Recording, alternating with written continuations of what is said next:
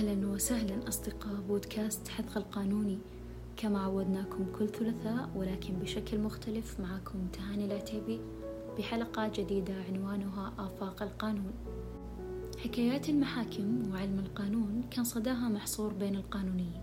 تحدث قضية وتستحدث معلومة وأغلبنا في بحر التية لا يعلم. ليس جهلا إنما لم يكن السبيل سهلا للوصول إليها.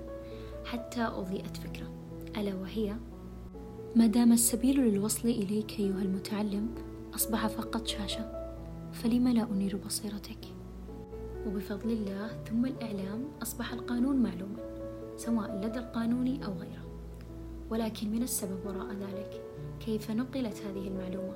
يدور السؤال حتى يشير السهم إلى القانوني دعونا نرحب بإحدى قامة القانون المحامية غادة العيدي صاحبة بودكاست قصص من المحاكم وناشطة عبر مواقع التواصل الاجتماعي وصانعة محتوى تثقيفي للمحامين الناشئين عبر The Flow of Law أهلا أستاذة غادة إحنا اليوم هنا لنجيب بصورة أوسع عن مدى أهمية وعلاقة الإعلام بالقانون وفي بادئ الأمر حابة أسألك هل كان للإعلام دور في اختيارك لتخصص القانون؟ إيش ممكن تكون أهمية الإعلام القانوني؟ لم يكن للإعلام دور في اختياري لتخصص القانون لكنه ساهم بشكل كبير آه، يعني أثناء فترة دراستي صراحة. آه، لكن الأثر الحقيقي خلف اختياري للتخصص كان يعني بعيد كل البعد عن مجال الإعلام. لأني ما ركزت في ال social media والإعلام إلا ما قبل التخرج بسنة أو سنتين. إيش ممكن تكون أهمية الإعلام القانوني؟ أهمية الإعلام القانوني أنا أمانة ما أشوف أنه هذا مصطلح صحيح لأنه ما في شيء اسمه إعلام قانوني. لكن استخدام الميديا أو الإعلام لنشر الثقافة القانونية والحديث عن أهمية القانون آه، للمجتمع بشكل عام أشوف أن أهمية تشكل فارق عالي جدا في المجتمع. مكملين معك أستاذة غادة والآن راح ينتقل محور حديثنا للقانوني بحد ذاته. هل تواجد القانوني في مواقع التواصل الاجتماعي له أثر إيجابي؟ وكيف ممكن أنه يستغل الإعلام ومواقع التواصل الاجتماعي لصالحه؟ القانوني في مواقع التواصل الاجتماعي أثره إيجابي جدا يعني آه، استغلاله لوسائل التواصل الاجتماعي هذا بحد ذاته استخدام لوسيلة آه، التسويق والتسويق طبعا هي من الأشياء والأدوات الذكية اللي يعرف القانوني متى. وأين يستخدمها يعني كونك قانوني وما عندك تواجد في وسائل التواصل الاجتماعي أنت كيف هنا حتكون قريب من المجتمع كيف الناس حيعرفون أنه أنت أساسا قاعد تمارس أو أنت تخصصك قانون فأنا أشوف أنه هو يعني يشكل أهمية كبيرة من وجهة نظرك متى يبدأ الطالب أو القانوني بنشر الثقافة القانونية على مواقع التواصل الاجتماعي؟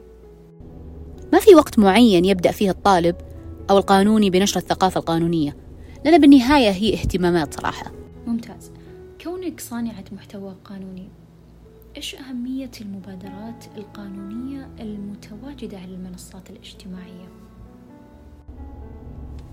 كوني آه، صانعة محتوى آه، متخصص في المجال القانوني والإثراء المعرفي آه، يعني صراحة أهم المبادرات اللي قدمتها مثل The Flow of Law وبودكاست قصص من المحاكم.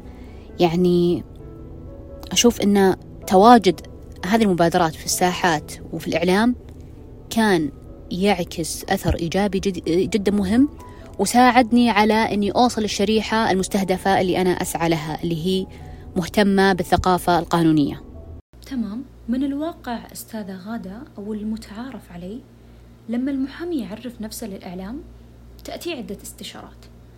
متى يجب على المحامي أن يقبل استشارة ومتى لا يقبل؟ صراحة أنا ما أشوف أن من الذكاء آه، للمحامي أنه يستعمل وسائل التواصل الاجتماعي لممارسة تقديم الاستشارات القانونية.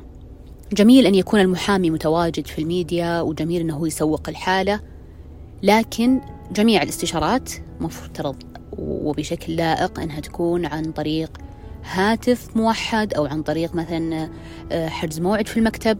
عدا ذلك استقبال العملاء يتم يعني مثلا لما تجيك استشارات من ال social media حدد لهم موعد مباشرة في مكان رسمي تلتقي فيهم في ختام حلقتنا نقدم جزيل الشكر وكل معاني الامتنان لك ولكل قانوني ساهم في نشر معلومة قانونية. فأنتم حلقة الوصل بين الإعلام والقانون. وبسببكم وصل القانون إلى آفاق لا ندركها. ومن المعروف أن لكل بداية نهاية وأن خير الكلام ما قل ودل. أرجو من الله أن نكون قدمنا ما يفيد.